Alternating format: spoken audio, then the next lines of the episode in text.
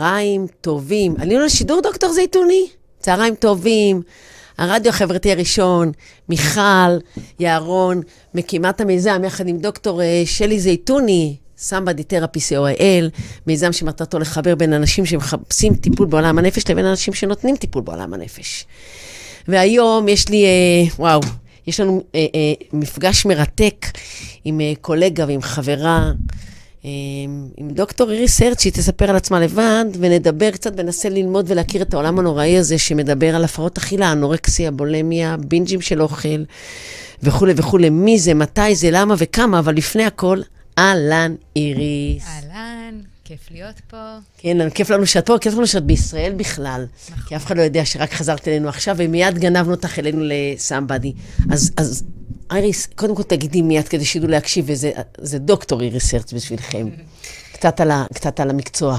אז אה, טוב, חזרתי לארץ אחרי אה, 12 שנים בחו"ל, גרתי בסינגפור 4 שנים, בתאילנד 8 שנים. אה, גם בסינגפור עבדתי בבית חולים פרטי. אה, כחלק מצוות שיקומי, עזרתי להרבה מאוד אנשים עם הפרעות אכילה, אנשים לפני ניתוחים, אחרי ניתוחים, לידות, אה, התקפי לב למיניהם וכולי וכולי. זה היה בית חולים פרטי מאוד מאוד אה, ככה sophisticated, חמוד, עם אוכלוסיות מכל, ה, מכל העולם. אה, אחרי ארבע שנים עברתי לתאילנד, גרתי בבנקוק שמונה שנים, הקמתי קליניקה פרטית במרכז העיר, נתנה שירותים אה, לכל הדיפלומטים, שגרירויות, אה, משרד החוץ של כל מיני מדינות, של האיחוד האירופי, הרבה מאוד בתי ספר אינטרנשיונל, בתי חולים בינלאומיים, רופאים, פסיכיאטרים וכדומה. אז מה לך ולהפרעות אכילה? אז uh, אני התחלתי את דרכי בהתמחות בתל השומר, במחלקה הסגורה, לפני 19 שנים, וזה מאז ככה מלווה אותי, ואני מאוד מאוד שמחה לעסוק בזה. מרגישה שזה התחום שהוא ככה קרוב לליבי, וגם אני חושבת שאני טובה בו, חזקה בו, יודעת ואם אני לא טועה, גם עשית דוקטורט עכשיו, אחרי כל הלימודים וההשכלה. נכון, אז לפני ארבע שנים, לפני, סיימתי לפני ארבע שנים. אה, עשיתי דוקטורט עם התמחות בטיפול זוגי ומשפחתי. ואת הדיסרטציה שלי עשיתי על מתבגרים. ש... לדעתי זה קשור, טיפול משפחתי וזוגי קשור קצת להפרעות אכילה, את בטח תגידי לנו קצת בהמשך. אז, אז מה זה הפרעת אכילה? אני, אני לא יודעת, אני, תמיד כשאני אוכלת מפריעים לי, זה אומר שיש לי הפרעת אכילה? לא. אז מה זה הפרעת אכילה? אני גם כל היום רוצה לאכול וחושבת על אוכל. אז קודם כל, להרבה אנשים יש unfinished business עם אוכל. זה משהו מאוד מאוד ידוע ומוכר, הרבה אנשים מתעסקים באוכל, מאוהבים לבשל, תראו כמה תוכניות בישול. יש בעולם, רק מזה אתה שבע, רק מלהסתכל. יש הרבה מאוד אנשים שגם רואים את עצמם בסושיאל מדיה, ברשתות חברתיות, מצטלמים, יש הרבה פילטרים שנולדו בעקבות זה. למשל, תמונות אינסטגרם, אף פעם אתה לא נראה כמו שאתה נראה באמת, כי אתה מפעיל עליהם כל מיני שכלולים, ואתה לא תמיד נהנה לראות את מה שאתה רואה. ואז אתה מתחיל או לצמצם אכילה, או להגביר אכילה, או להגביר אכילה, ואז להיפרד מהאכילה רגע, הזאת. רגע, רגע, זאת אומרת שאני רואה את זה, את אומרת, זה לאו דווקא אה, קמטים וצבע שיער, זה קודם כל להתייחס למראה ולחבר את זה מיד לאוכל? אז הרבה פעמים אנשים מסתכלים על עצמם ולא אוהבים את מה שהם רואים בראי, אז יש שתי אפשרויות, או באמת ללכת לפלסטיקאים וכדומה, שגם זה מאוד נפוץ, או כמובן לשנות משהו בגוף, ולשנות משהו בגוף זה הרבה יותר קשה מאשר אה, לקבל אה, זריקה כזו או אחרת. זה, זה אוכל. זה יותר מורכב, וזה אוכל, והרבה אנשים אה, יצמצמו אכילה ברוב המצבים, כדי לנסות להתכווץ. או יגבירו ספורט, שזה גם שזה, עניין. שדרך אגב, את על פניו, קצת לצמצם אכילה, לא, לא להסתובב עם עודף משקל, או להגביר ספורט כדי להיות בריא, זה נשמע טוב. איפ, מתי התעסקות באוכל שיש לכולנו הופכת להפרעה? אז uh, יש uh, כמה דברים, כמה uh, נורות אזהרה כאלה שאפשר לראות אותם. Uh, אפשר לזהות אותם, לא תמיד רואים את זה, לפעמים זה נראה משהו נורא פשוט, כמו למשל, חתכתי את השניצל, ולכמה פלחים חילקתי את התפוז, חתכתי את הפיצה, כל מיני דברים כאלה, שבעצם הרבה אנשים, זה נראה מאוד uh, בנאלי ונורמלי, עד שאתה רואה שהם מתחילים לחתוך את זה ליותר קטן, או לעוד יותר קטן, ובאמת לצמצם גם את הכמות, ולא רק את מה שהם אוכלים. זאת אומרת, יש גם אפשרות uh, בעצם לצמצם ולבחור רק אוכל בריא. כמו הרבה אנשים שאומרים, אני אוכל רק אוכל בריא. שזה עדיין לא הפרעת אכילה. לא. זו עוד לא הפרעת אכילה, אה, לשאוף לאוכל בריא זה אפילו נכון, הייתי אומרת, במובנים מסוימים. לא לאכול junk food, לא לאכול מטוגנים וכאלה, אבל אפשר טעים. לחרוג. כן. זה טעים ואפשר לחרוג. יופי, אני תמיד לא... אומרת, אפשר לאכול צ'יפסים ופלאפלים ומה שרוצים. אז הפרעת האכילה היא משהו התנהגותי, משהו חשיבתי, משהו רגשי, מה זה? מה ההגדרה של הפרעת אכילה? הפרעת אכילה בדרך כלל יש בה כמה פרמטרים. למשל, אה, הרבה אנשים יגידו, אה, אני אנורקסי, אבל אני לא אנורקסי, רק אולי קצת ירדתי במשקל. אז יש אפשרות לבדוק כמה ירדה במשקל הייתה מהותית מבחינת אחוזי המשקל שבהם התחלתי. אה, זה יכול לבוא לידי ביטוי לאיך אני אוכל, כמה אני אוכל, כמה אני מצמצם. ויש למשל אצל בנות הרבה מאוד פרמטרים, כמו למשל אם יש מחזור או אין מחזור, אם המחזור נעלם, אנחנו נראה את זה כמשהו הרבה יותר חמור. אם היא ירדה חמישה קילו בטווח של אה, חצי שנה, או ירדה חמישה קילו בטווח של חודשיים, זה הבדל. רגע, אני רוצה רגע, רגע לשאול. אני לא יורדת עולה במשקל, אבל אני כל היום עוסקת במה אכלתי, כן אכלתי, לא אכלתי, בריא, לא בריא.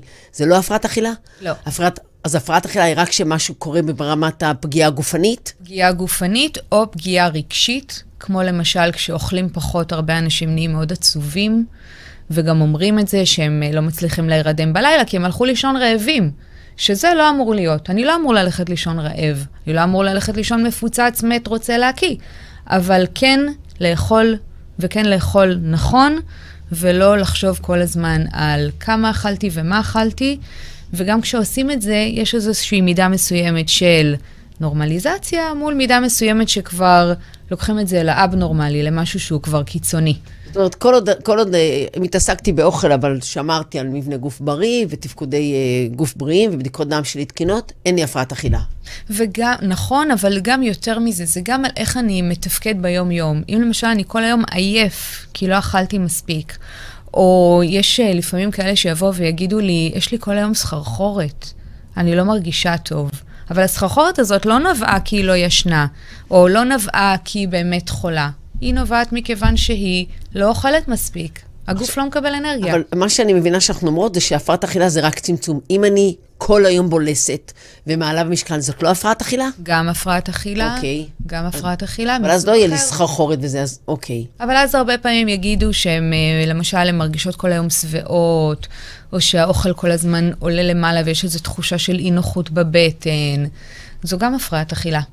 אוקיי, אז הפרעת אכילה... זאת אומרת, על מנעד הפרעות האכילה יש לנו מקצה לקצה כמה וכמה כן, דברים. כן, תכף את תרחיב לנו, אבל רק כדי להגדיר, הפרעת אכילה תהיה מצב שבו אני עושה לי פגיעה גופנית, או פגיעה רגשית, זאת אומרת, אני מדכדכת את עצמי, אני לא מתפקדת טוב, נכון. בגלל מצב רוח. נכון. אוקיי, עכשיו... אני יכולה להוסיף עוד משהו? לא, חייבת להוסיף. גם עניין חברתי, יש בו פגיעה. כלומר? כלומר, אם אני לא אצא עכשיו למסיבה, כי אני יודעת שיזמינו שם פיצה, ואני אמנע מעצמי ללכת למסיבה, כי אני לא רוצה לאכול את הפיצה, אבל אני כן רוצה לפגוש את החברים שלי, יש בו פגיעה חברתית. זאת אומרת, אותה בחורה או בחור יחליטו שהם לא הולכים לאירוע מסוים, בגלל שהם לא רוצים לאכול. ואז יהיו להם פחות חברים. זאת אומרת, ההימנעות mm-hmm. מסיטואציות חברתיות שיש בהן אוכל, גם יכולים להגיד שיש פה הפרעת אכילה. אני יכולה לתת דוגמה? אני אשמח. יופי. אז נערה, אה, בחורה, אה, הייתה אנורקסית לשעבר, הפסקנו את האנורקסיה, היא בריאה והכול. סוף סוף שהיא הבריאה והחלימה, היא הלכה ללמוד בארצות הברית בקולג', ואני רואה אותה, המשכנו את הפגישות שלנו בזום, באונליין, שהתרחקה בעצם מאזור המגורים המשותף שלנו. והיא אה, החליטה שהיא לא נפגשת עם חברים, הגיעה למעונות חדשים, הגיעה לאוניברסיטה חדשה, תלמידה מבריקה, דרך אגב, הם גאונות, כן, היא גאון. אבל אה, לא מכירה אף אחד, אוכלת רק בחדר שלה, לא הולכת לקפיטריה, לא הולכת למסיבות, לא יוצאת בסופי שבוע, היו להם כל מיני ערב סרט, ערב פופקורן, ערב פיצה וכאלה, והיא לא הולכת לשום דבר. הילדה הזאת, הבחורה הזאת, נשארה בודדה שלוש שנים. וזאתי הפרעת אכילה. וזאת כבר הפרעת אכילה שלמרות שטיפלנו בה, והיא כבר לא הייתה אנורקסית, כבר לא הייתה פגיעה גופנית, היא כן אכלה, היא כן הייתה ב-BMI תקין, כן היה לה כבר... תסביר את המושגים האלה. הכל היה בסדר, אבל חברתית היא המשיכה לפגוע בעצמה. מטורף. אז... נשארה אז... לבד. איזה עצוב. אז בואי, בואי אמרת, אמרת גם אנורקסיה וגם אמרת BMI, לאט לאט. בואי קודם כל, בתור מומחית לתחום, איזה סוגי הפרעות אכילה יש? ככה, את יודעת, גם הכותרות וגם קצת שנבין, מה זה? אז אני אלך על המפורסמות ביותר ונתחיל לזה, כי עם השנים אנחנו רואים שכל פעם נוספת לנו עוד הפרעות אכילה. ברוך הבא לעולם. כן, כן. נוסף, נוספות לנו הפרעות. אז על הספקטרום יש לנו בצד אחד אנורקסיה, שזה צמצום אכילה, עד כדי רעב, הרעבה עצמית, חיתוך של האוכל לפלחים מאוד קטנים, אה, צמצום של שעות האכילה, אה, להוריד מהתפריט בכלל דברים מסוימים. יש אפילו אנשים שיגידו שקוראים לזה fear food, כאילו שזה אוכל מפחיד, שהם לא ייגעו בו בכלל. ובצד אחד. שניצל, צ'יפס, המבורגר, פיצה זה לא משהו... לא בדרך כלל בחשבון כן, אוקיי. בדברים האלה. לא נוגעים במטוגנים, לא נוגעים בבצקים. מכירה כמה שהמציאו כזה דבר שיש להם רגישות לגלוטן, למרות שזה לא היה נכון. כדי לא לגעת בבצקים. אוקיי. Okay. נעבור לדבר הבא, ששם יש את הבולימיה. בולימיה זה שבעצם אני בבולמוס של אכילה, שבו בעצם אני לא שולטת בכמויות, ואני אוכל כמה שאני רוצה, מתי שאני רוצה, מה שבא לי, עד כדי אפילו הרגשה שכאילו הם יודעות, הם יודעים שבא להם להקיא, אבל הם לא יקיאו. זה רק הבולימיה. אז רגע, יש לי שאלה. מישהי שבבולמיה, נתוני הגוף שלה יהיו טובים, לא תהיה לה צמצום בירידה. אז למה זאת הפרעת אכילה אם זה לא פגיעה במצב הבריאותי? אז אני אסביר. קודם כל, כן יש אה, פגיעה במצב בריאותי כשיש עלייה במשקל שהיא חריגה, הגוף לא יתמודד עם זה, יש פה רגישות לאינסולין, עלולה להתפתח גם סכרת, אה, ועוד אה, לחץ דם וכולסטרול גבוה, זאת אומרת, לאכילה של בולמוסים יש משמעות פיזית. יש גם משמעות חברתית, הם הרבה בולמים למשל אוהבים לאכול בלילה, שלא רואים אותם. שלא רואים אותם, מסתתרים. הם מתחבאים, הם מחביאים עטיפות מתחת למיטה. אבל בולמה זה בעצם הבולמוסים של האכילה. הבולמוסים. אוקיי. נכון. משם נמשיך uh, לבולימיה מסוג אחר, שזה בולימיה וגם הקאות. זאת אומרת, אחרי שאכלתי הרבה, okay. כן. uh, אני ארצה להיפטר מהאוכל, ואז יש לי שתי אופציות, או שאני אקיא את זה, או שאני אשלשל את זה. כלומר, יש אנשים כן, שמקים, יש אנשים... לקסטיביים. בדיוק, לוקחים לקסטיביים ו... סתם שאלה מסקרנת, מה יותר נפוץ, בולמיה או בולמיה עם הקאות?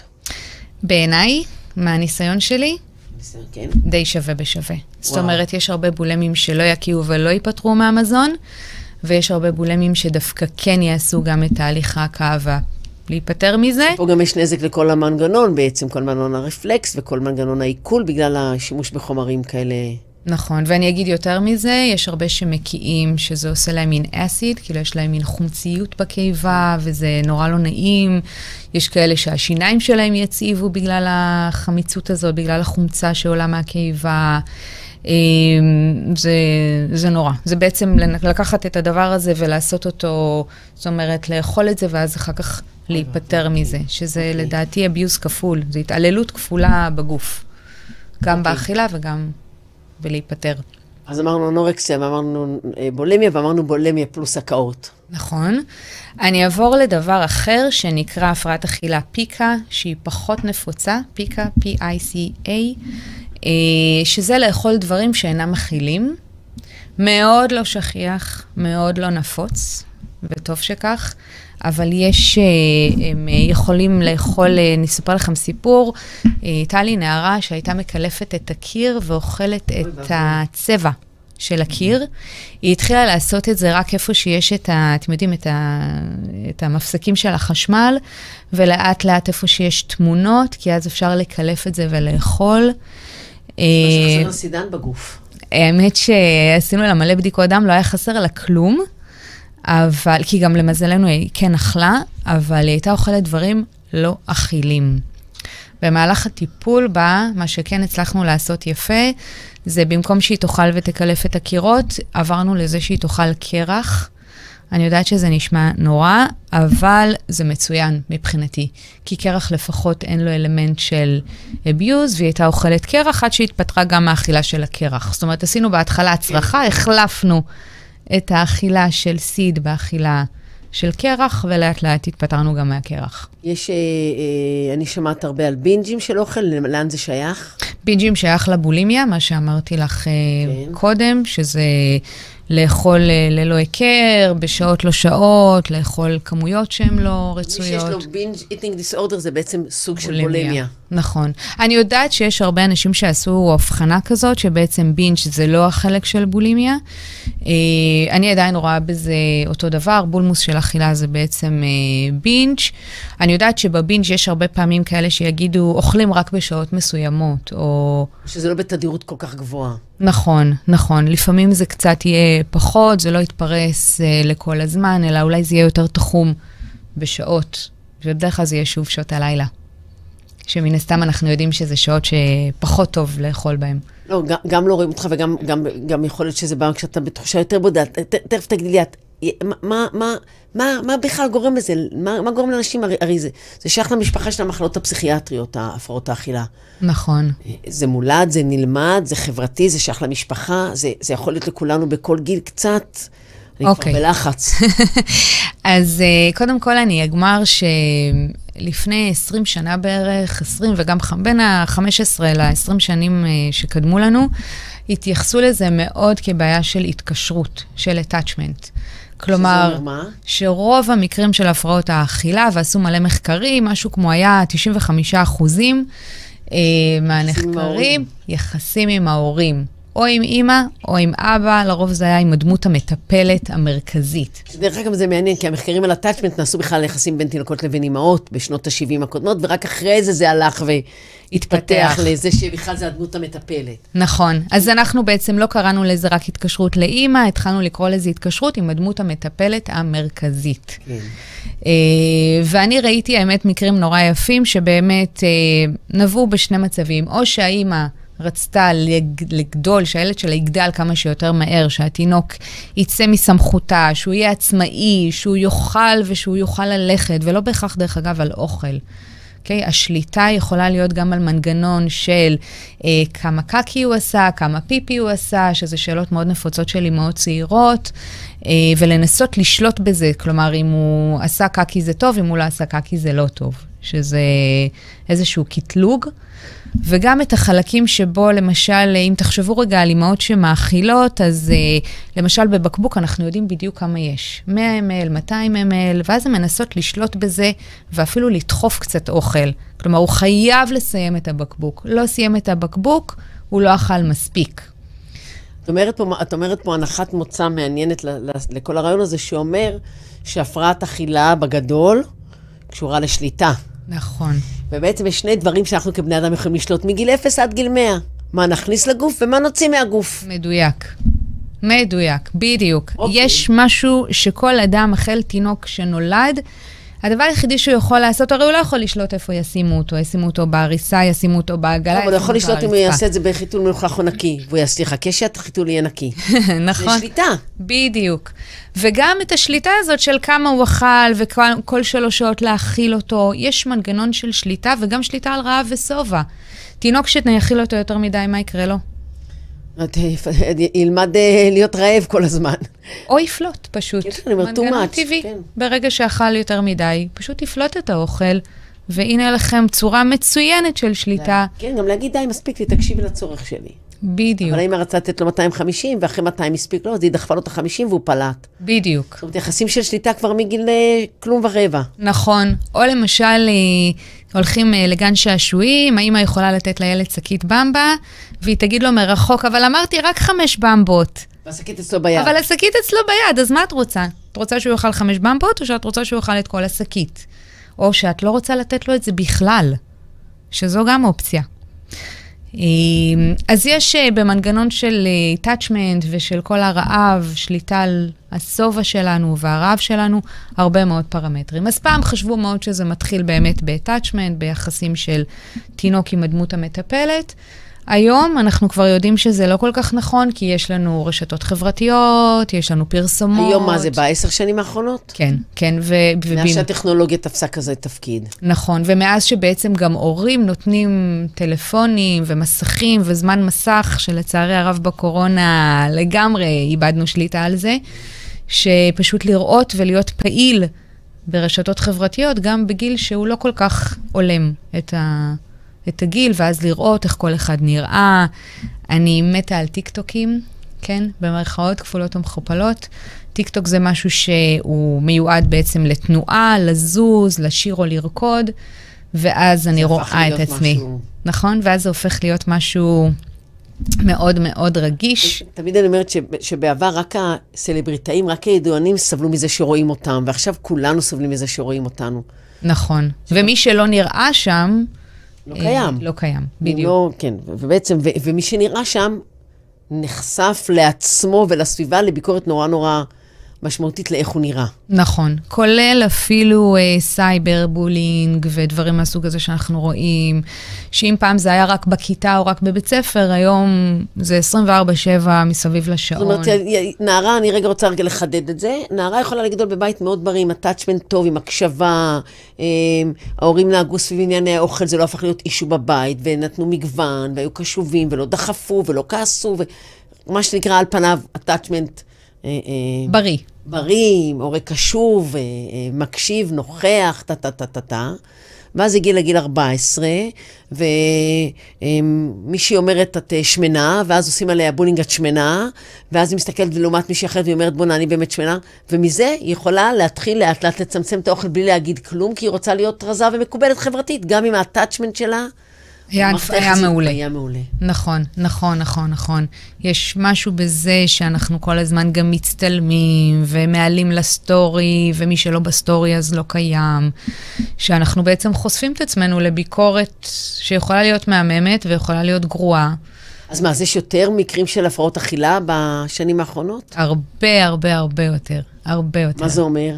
אני אתן לכם דוגמה, אה, עשו ב-2021, הקורונה התחילה ב-2020, ראו שהרבה מאוד אנשים נשארים בבית ועוסקים בלאכול ולבשל ולקנות אוכל ולצרוך אוכל. ולהיות ברשתות. ולהיות ברשתות, והכל הפך להיות רק דרך, דרך המסכים האלה. אז החליטו בארצות הברית ובאיחוד האירופי לעשות איזשהו מחקר משותף על מה העלייה שהייתה בהפרעות האכילה ב-2021. Uh, האיחוד האירופי טען ל-57 אחוז, uh, בארצות הברית טענו ל-67 אחוז, ובסוף הגיעו לאיזשהו מספר כזה של מעל באמצע. 60 אחוז בכמות, אם היו לפני כן 100 אלף הפרעות אכילה, אז עכשיו היו לנו 160 אלף הפרעות אכילה. ממש ככה, ממש. תגידי רגע, איזה אחוז הפרעות אכילה יש ומתי הוא נפוץ ובאיזה גילאים? אז uh, אנחנו אני רואים... זוכרת ששמעתי פעם על, על אנורקסיה בגיל השלישי. אה, נכון, נכון, נכון, יש גם את זה. אז אם פעם חשבנו שזה רק ילך, אה, נאמר, אה, לנערות צעירות, הנערות שנמצאות בגיל 16-18 כזה, או אם פעם חשבנו אפילו טיפה יותר מוקדם, התחיל בגיל 14, כי כבר מתפתח הגוף, ויש שינויים פיזיולוגיים שאנחנו רוצים לשלוט בהם. היום אנחנו כבר יודעים שהפרעות אכילה יכולות גם להתחיל בגיל מאוד צעיר, כמו בגיל 9 ו-10, שזה ממש ילדות קטנות, צעירות, עדיין בבית ספר יסודי. עוד לפני, לפני גיל ההתבגרות, לפני כל העניין ההורמונלי, הן מתחילות לפגוע בעצמן, ב, ב, בעיקר בהרעבה, אני משערת. נכון. וגם רצון לא לגדול, רצון לא להתפתח. אז מי שקצת מתחילה חזה, או קצת אה, אקנה על הפנים, מחליטה פתאום שעדיף לה להישאר קטנה, ומתחילה לשלוט בכמות האוכל. אני ובמה. שמעתי ממישהי שסיפרה, שסיפרה, שסיפרה, שהיא עובדת, ב, ב, אחות שעובדת את- ב, במגזר החרדי, ושם הילדות, כדי לא להינשא, אה, מפתחות הפרעות אכילה כדי לא להגיע לגיל הפריון. נכון, נכון. אתם יודעים שזה משהו שכבר ראינו לפני 20 שנים, דרך אגב, שהיו לא מעט אה, בנות חרדיות שהגיעו לאשפוזים בגלל צמצום אכילה מאוד רציני ואנורקסיה. ודבר נוסף, צריך לזכור שבעולם החרדי, בעולם הדתי, בגלל שהן לבושות רוב הזמן בבגדים ארוכים. מאוד קשה להורים לראות את זה, והן מסתירות את זה מעולה. תכף נדבר על זה, כי אני תוהה כמה להורים קשה לראות וכמה הורים מוכנים לראות, כי זה מיד נורא מפחיד, אבל, אבל רגע, אני ברחתי מהאסוציאציות, אני אקח אחריות ואני אחזיר אותנו. אז אנחנו, אנחנו, אה, אה, את אומרת שבעבר, בתפיסה שלנו זה היה למתבגרות, אבל זה לא ככה היום. היום זה גם מתחיל בגיל הרבה יותר צעיר, וגם נמשך לגילאים הרבה יותר uh, מאוחרים. בנים, בנות, Uh, גם בנים יש, לא מעט, הרבה אחוזים? אפילו. אז היום מדובר על משהו כמו 12 אחוז בנים.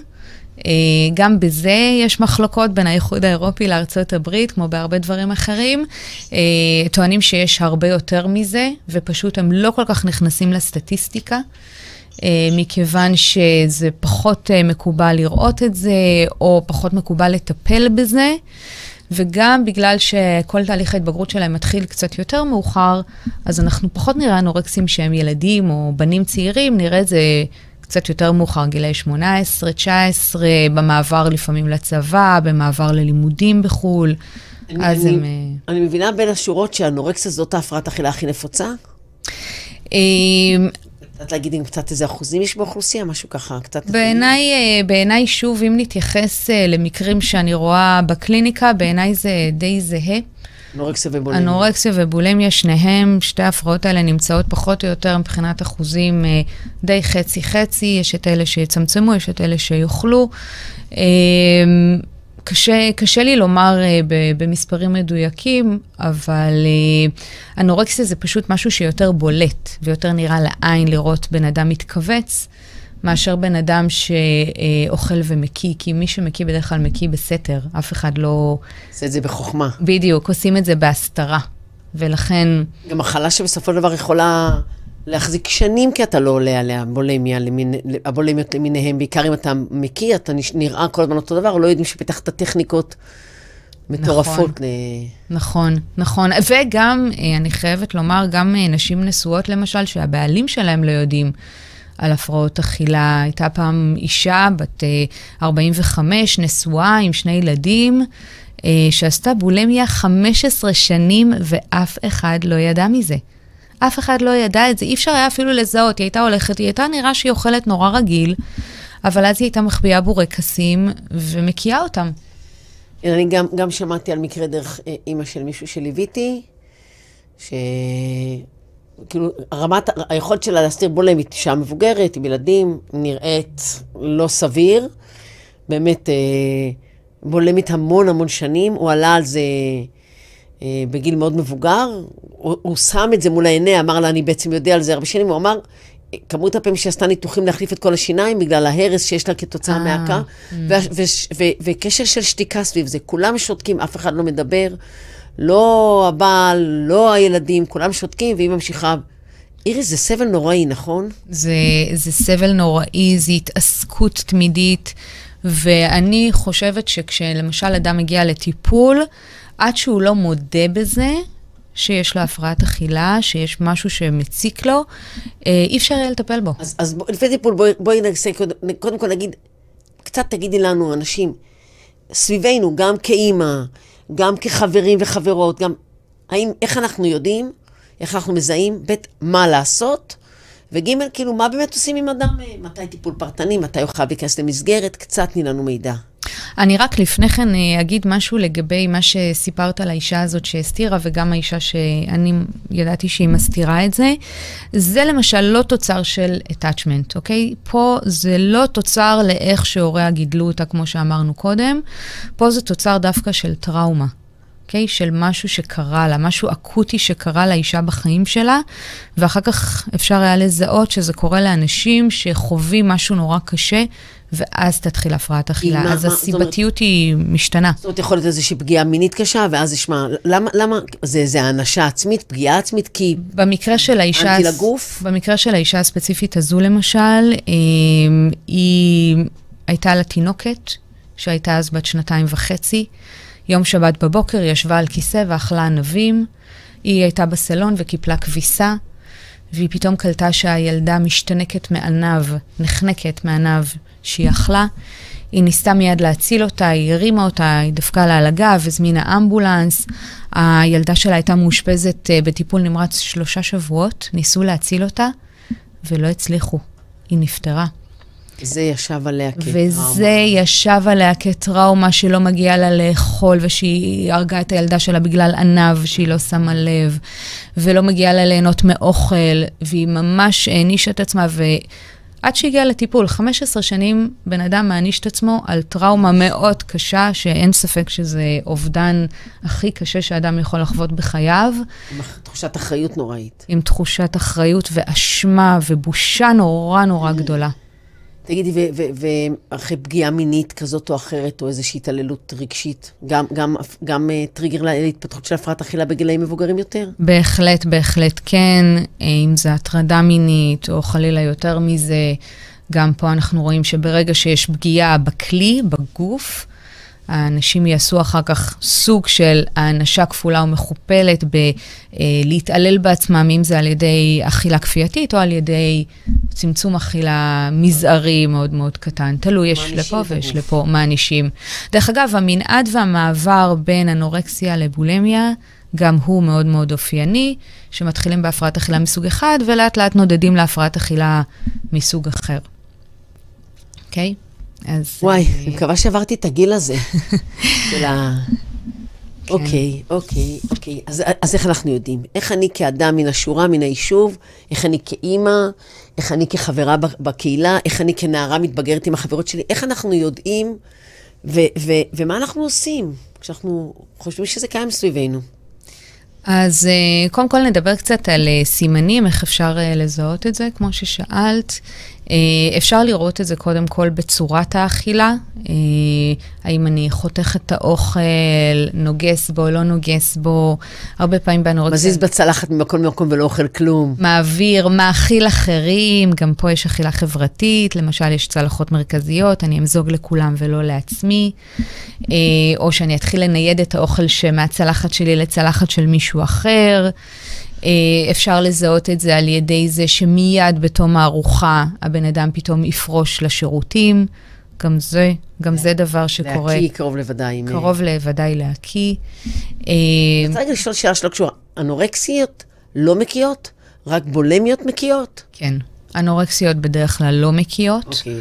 ברגע שזה עם מכה זה כבר נקרא בולמיה. נכון. אם זה עם מכה זה בולימיה, אם זה בלי, או בעצם, אם זה אכילה שאין בה כזה דבר, אז זה משהו אחר. אוקיי.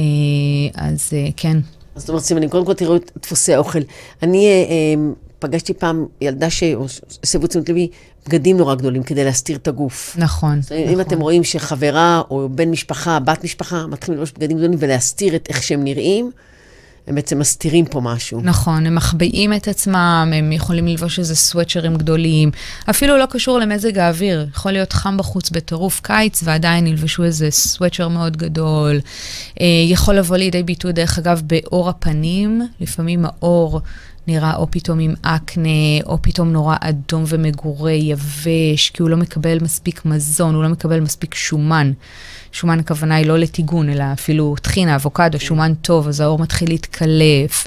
אה, ציפורניים שנשברות, שיער שנושר. אה, גם זה פרמטר מאוד מאוד חשוב. אבל מה שאת אומרת, את אומרת, תקשיבו, יש לזה סימנים, תפתחו את העיניים. נכון, ואפשר לראות את זה, אפשר לראות. אפשר לזהות את הדבר הזה. אפשר לראות את זה, צריך באמת... תגידי, אז למה אנחנו לא רואים את זה? למה הרבה פעמים ילדה יכולה להסתובב עם חודשים, אם לא שנים, עם הפרעות אכילה, והמסביב של ההורים לא רואים? אני חושבת שפה זה גם קשור הרבה מאוד לכמה הורים עסוקים, ואיזה סוג של קשר יש עם הילדה הזאת, כמה היא פתוחה איתם, כמה הם פתוחים איתה מהצד השני. יש פה גם עניין של קשר, תזכרו את ההתקשרות של הגיל הראשון, אלא שבעצם יש פה גם אלמנטים של יחסים. וכמה קרבה היא מרגישה, כמה בנוח היא מרגישה לשתף. תגידי, אז עכשיו אני אה, כאדם אה, רגיל אה, ראיתי... או כנערה בבית ספר, או כבאו חברים אליי הביתה, ואני חושדת שהבת של, ה, של החברים, לצורך העניין, אה, אני שמה לב שהיא אוכלת מעט, ואני זוכרת שהיא רזתה, וכאילו, יש לי איזושהי תחושה שמשהו קורה. מה לעשות עם זה? אני הייתי קודם כל מדברת עם ההורים שלה. אה, בצורה מאוד אה, עדינה ויפה, שואלת מה קרה לה. לא כאיש מקצוע, זאת אומרת, אני מדברת לא, לא כאנשי מקצוע, אנחנו מדברות כאדם מהיישוב. בדיוק, כן. חברתי, בקטע שבכלל אכפת לך ממנה, אולי אכפת לך גם מהמשפחה כולה, שאת מזהה משהו, ואת מסיבה את תשומת הלב. ממש, להסב את תשומת הלב של ההורים. קודם כל. ולא להיעלב, הם אומרים לי, אה, שטויות, את לא מבינה, את לא יודעת כלום. לא רוצים, זו בעיה שלהם. לא הקשיבו לך, לא ככה הזיזו אותך הצידה ממה שהם אמרו, לא לדחוף את זה, אבל כן לנסות אה, לפמפם את זה. אני אה, חושבת שבאופן אישי, כשאני רואה דבר כזה, אני כן אומר, אני כן, אה, כן אגיד. לא, לא רק כאיש... לא, לא בגלל שאת אשת מקצוע, לא. אלא בגלל שאת בן אדם ש... שאכפת לו. אוקיי. אז קודם כל לנסות להגיד, להגיד לסביבה. נכון. יש, יש מה לדבר עם אותו, אותו, אותה, אותו אדם? בוודאי, בוודאי, ופה באמת תלוי כמה אתה מרגיש קרוב לאותו אדם.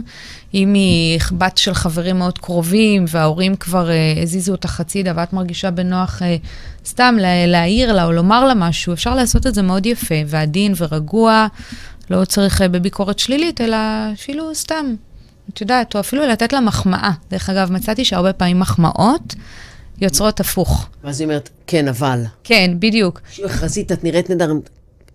כן, אבל אני קצת אוכלת מעט מדי אולי. נכון, פתח את הדלת אם זה יהיה לא מאיים. בדיוק. אם זה יהיה חמוד, היא תענה בנחמדות חזרה. זאת אומרת, אה, ראיתי שקצת ירדת, וזהו, את נראית מאוד יפה, או מה עשית? אם ההורים רואים על הבת שלהם, ומה הם עושים עכשיו? אי אפשר להכריח אותה ללכת לטיפול. או שאת אומרת, כן, כל עוד היא צעירה, צריך להכריח. כל זמן שהיא קטינה, זאת אומרת, לא מלאו לה 18 שנות, שנים לחיים שלה, היא בחזקת הוריה, ולכן הייתי ממליצה כן לדחוף את ההורים להגיע לאנשי מקצוע. אני מעדיפה להתחיל בפסיכולוג, יש כאלה שמתחילים דווקא בדיאטן. לא ממליצה לפנות לדיאטן, ממליצה דווקא לפנות קודם לפסיכולוג, והדיאטן יבוא פסיכולוג או כל המשפחה, זאת אומרת, גם מטפלים באבא, ומי שמומחה כל מי שמומחה. להפרעת אכילה. נכון, דרך לפנות... אגב, ל- אני, אני רוצה רגע מטפל. להגיד משהו, גם הרבה אנשי טיפול יכולים להיות מצוינים, אבל להפרעת אכילה צריך מומחיות. נכון, כדי לא להחמיץ. זאת אומרת, פסיכולוג או מטפל בהבעה ויצירה, עובד סוציאלי שהתמחו בתחום של הפרעות אכילה, הם הקהל שאליהם כדאי לפנות. לגמרי, אוקיי. מסכימה לחלוטין, כי זה כל כך כי זה כל כך רגיש. כן. נכון, זה מאוד מאוד רגיש, והאנשים האלה מאוד מאוד רגישים, וכל דבר שתאמרי להם, אם הוא לא יהיה במקום הנכון, או מילה לא נכונה, וה... אוקיי. זהו, הטיפול יסתיים. מהמם. אז אנחנו אומרים, אה, אה, כל עוד זה מדובר בקטין או קטינה, איש- גם אם אתם כהורים נתקלתם בזה, בואו תגיעו לאיש מקצוע שיעזור לכם גם להביא את, להביא את הנער או הנערה ל- ל- לקבל עזרה. ממש ככה, אוקיי. נכון. זאת אומרת, בעצם, כדי לעזור, זה צריך להיות משהו מערכתי. בכ... נכון מאוד.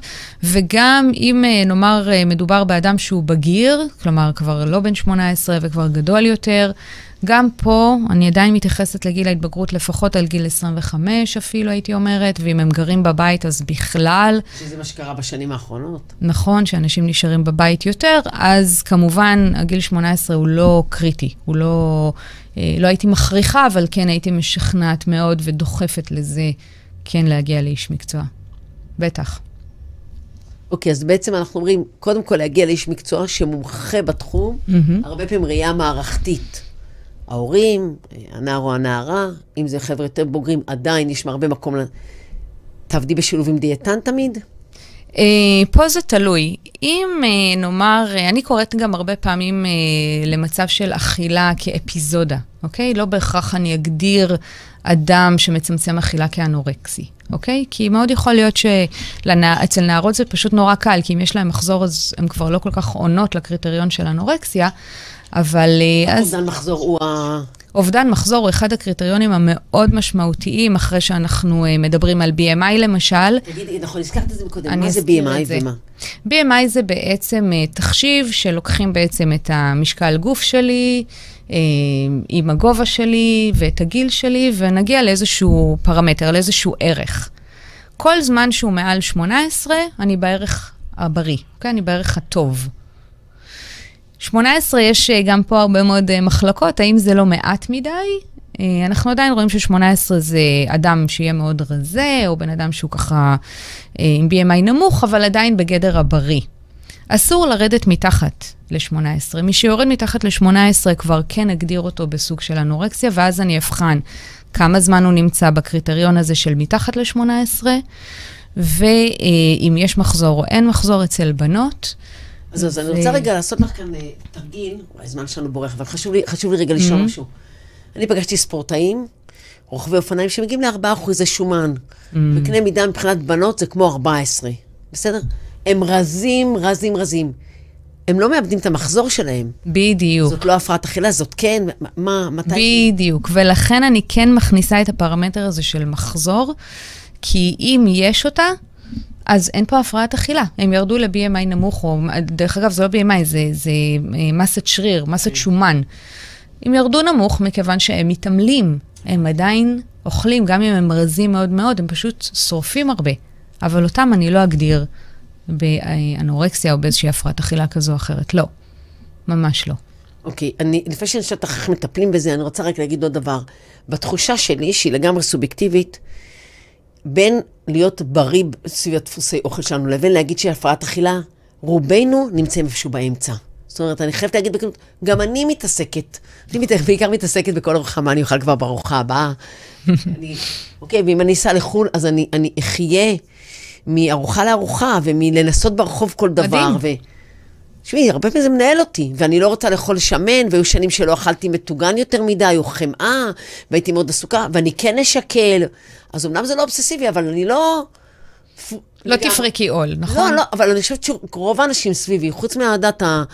לא יודעת, אני יכולה להגיד שהבנים שלי, הם כאילו נכנסים הביתה, הם שבעים, נושמים עמוק וממשיכים לאכול, אז אין להם איזושהי התעסקות עם אוכל חוץ מזה שהם רוצים להיות שבעים. אני מדברת, רובנו מתעסקים עם אוכל בצורה הרבה יותר מאשר שזה משמש כמשהו להזין את הגוף. נכון. זה באמת מזין את הנפש. נכון, ואני עדיין תמיד אסתכל על זה שאוכל זו הנאה, ואני רוצה שאנשים ייהנו מאוכל, ואני שמחה שאת אומרת שאת נוסעת לחו"ל, ושאת uh, בוחרת את המזון שבא לך לאכול, והולכת uh, מגלידה לגלידה, או מדבר כזה. זה לא הפרעה. את זה אומרת. לא הפרעה, זה הנאה.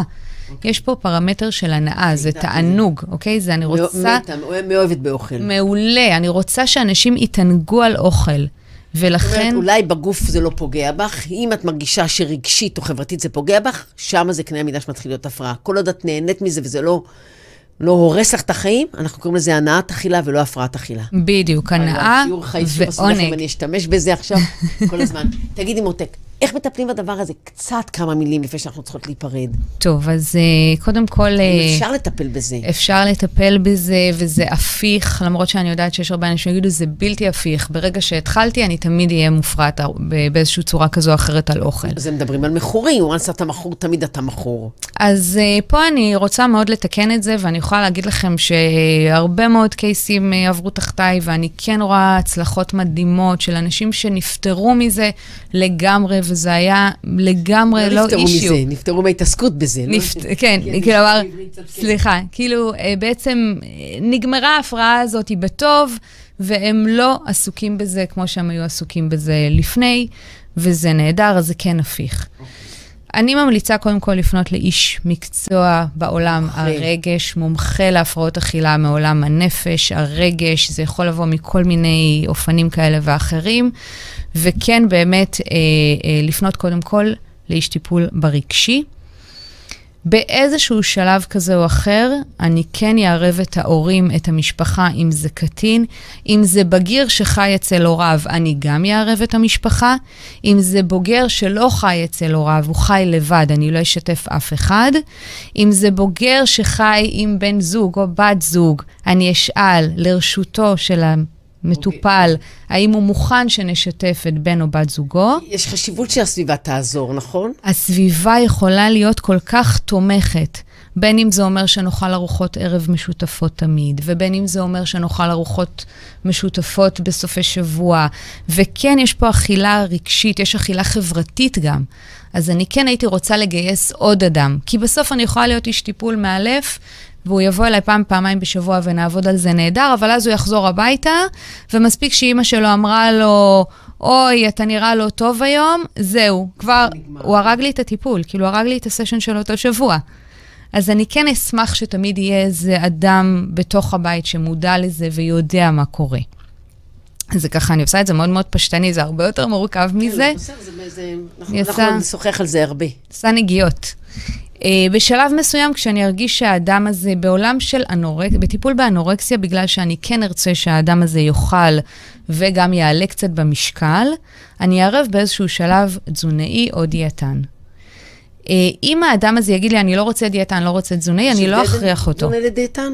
כן, דיאטנים הם בדרך כלל באים יותר מהעולם הקליני, עובדים יותר בבתי חולים, תזונאים יכולים יותר לבוא ממפעלים של אוכל, כמו למשל הנדסת מזון, אבל זה לא משנה, כאילו כך או כך. מישהו שיודע לטפל במקרים מהסוג הזה. וגם שם אני אבחר רק כאלה שהמומחיות שלהם זו הפרעת אכילה. אוקיי, ברור. ושיש להם ניסיון בקייסים של הפרעות אכילה. בטח. ואז ברגע שאני אצרף את הדיאטן סלאש תזונאי אה, לטיפול, אני אהיה מעורבת בזה. זאת אומרת, אני כן רוצה לדעת כמה הוא שוקל, למרות שאני לא מיד אשאל את זה, כי אני הרבה פעמים אבוא ואומר שהמספרים פחות חשובים לי. באמת יותר חשוב לי עולם הנפש, הרגש, איך הבן אדם מרגיש, אה, מה הוא עושה. באמת, באמת קצת תרחיבי מה, מה קורה בתהליך, את יודעת, זה, זה הדבר הכי מסקרן, ההצצה. מה קורה בחדר הטיפול כשאת יושבת מול אה, נער, נערה אנורקטית? קודם מה... כל, בהתחלה, אני קודם כל אפנה, אני רוצה להכיר אותה. אני רוצה לבנות איתה bonding, אני רוצה לבנות איתה איזשהו קשר שהיא תאמין בי, שהיא תסמוך עליי, שהיא תהיה שקופה מולי, שלא יהיה את אלמנט ההסתרה הזה בכלל. אני בעצם חוברת אליה, אני בעצם אה, אה, מתחבבת אליה ומתחברת לכל עולם התוכן שלה, כדי שהיא תרגיש בטוחה לספר לי הכל. אני רוצה רגע להיות, אה, להיות בוטה, ברשותך. מכירות מלא שנים, מותר לי להיות איתך יותר. אני מכירה אותך לגמרי. מאז שאת צעירה. נכון. אני לא יודעת, מי שרואה אותך ביוטיוב רואה, אבל מי שרק שומע אותך בפודקאסט לא רואה אותך. את בעצמך מאוד מאוד מאוד שמורה. את רזה ואת שרירית ואת נראית מהמם. זה לא פשוט, זה לא, זה לא קשה לנערה שבעצם אנחנו אומרים לה, כשאת המודל, את יודעת, זה כמו שאני אלך לדיאטנית נורא נורא שמנה, ואני אגיד לה, כאילו, מה אתה שתגידי לי מה לאכול? אני אומרת, אין בזה משהו, כי את, את, את דוגמנית. תודה. קודם כל, תודה על המחמאות. אז ככה, אני חושבת, ומהניסיון שלי אני מבינה שכן בוחנים אותי, ובמיוחד על איך אני נראית ומה אני לובשת ואיזה עור פנים יש לי וכדומה. אני יודעת שהן בוחנות, הן אפילו, אני אומר שהרבה פעמים נערות, אני מרגישה שהן מפשיטות אותי במבטים שלהן. אה, אני אשתדל תמיד... לא, לא רואות את הקוביות, זה לא שלהן. אני אשתדל אה, תמיד אה, ככה לא לשבת איתן, למשל, בגופיות ודברים כאלה. כי שוב, בגלל שאני יודעת שהן בוחנות אותי. הן ישאלו אותי הרבה פעמים אם לי הייתה הפרעת אכילה, או האם אני באתי מעולם שהיה לי פעם איזה משהו כזה, ואני אספר שלא. אין לי הפרעת אכילה ומעולם לא הייתה לי. אני כן אשתף במשהו אישי, תמיד הייתי קטנה. ההורים שלי תמיד דאגו שאני לא אגדל. אימא שלי הייתה דוחפת לי אוכל. וואי, מטורף. שזה לא פלא שהלכת לתחום הזה להתעסק. ממש, ותמיד כששואלים אותי למה הגעתי לעולם הזה, אני אגיד כי אימא שלי הייתה דוחפת לי אוכל. לא, אני רואה אותך, רואים שאת נורא בריאה. ואני אה, לא סבלתי את זה, והייתי זורקת סנדוויצ'ים של הבית ספר. כי הם היו מכינים לי triple סנדוויץ' עם חמאה וגבינות שמנות או אבוקדו. מיותר לגמרי. מיותר לחלוטין. עד עכשיו, דרך אגב, אני לא אוהבת אבוקדו, ואני לא יכולה לגעת בחמאה. יואו, זה מטורף, הפסד. תקשיבי, יקירתי, זמננו קצר, אבל קיבלנו פה שאלות מהרשת. אה, כמה לחברה יש, אמרת את זה קצת בהתחלה, אבל כמה לחברה יש אחריות בזה שמתפתחת הפרעת אכילה? רבה מאוד בעיניי. אה, בעצם זה שאנשים מחמיאים יותר לרזון ולא יחמיאו לאנשים שנראים נורמטיביים, או אנשים שהם טיפה, נאמר, הגלגלים. אה, יש משמעות למחמאות, לפידבק חיובי או פידבק שלילי.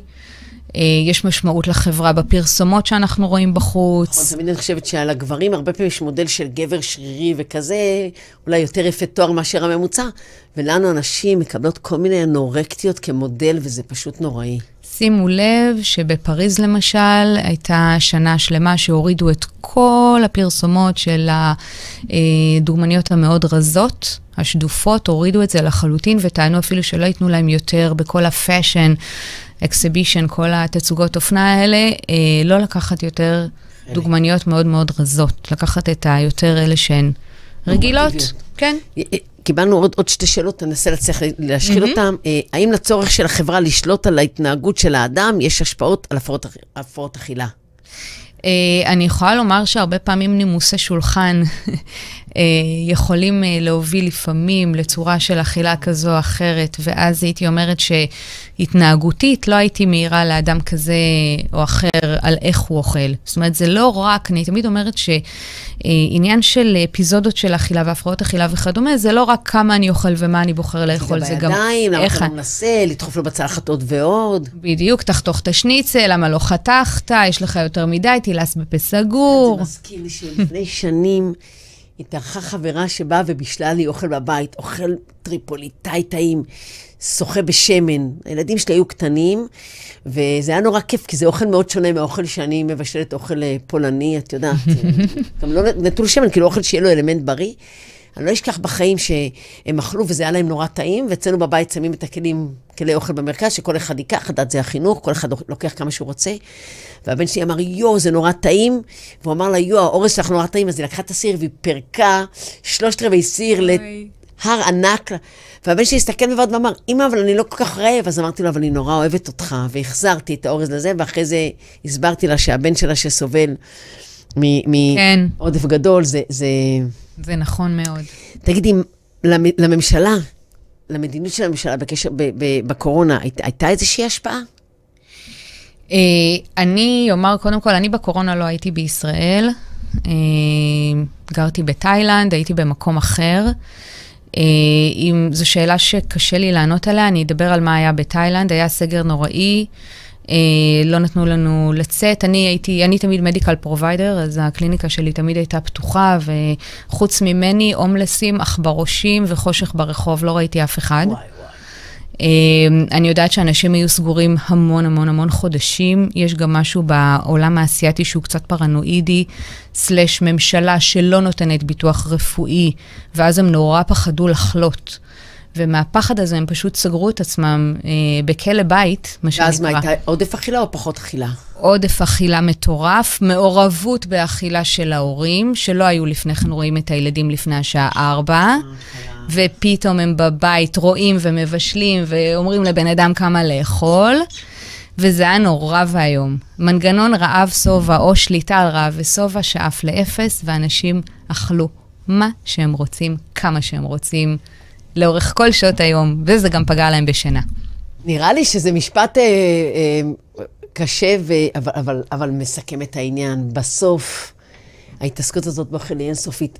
איריס, אני מרגישה שאנחנו רק התחלנו קצה קצהו של דבר, ונעשה ונמשיך ונדבר, אבל אני, אני גם שרופה עלייך, וגם אני מודה תודה. לך. תודה. תודה לך. רק למדתי קצת עכשיו, יודעת, ההנאה ולא ההפרעה, וואי, אני הולכת לקחת את זה ולהשתמש בזה הרבה. אוי, אז טוב, אה, אה, לפני שאני הולכת לאכול צהריים, אנחנו ניפרד פה מעוד אה, תוכנית של find somebody. אז אם אתם אנשי טיפול ורוצים להצטרף לקהילה הנהדרת שלנו, ואם אתם אנשים שצריכים עזרה בהפרעות אכילה או בכל תחום אחר בעולם, אנחנו ב-somebody therapy co.il. אתם מוזמנים לבוא אלינו ונשמח לעזור לכם, וצהריים טובים, אהובה. צהריים טובים, תודה רבה.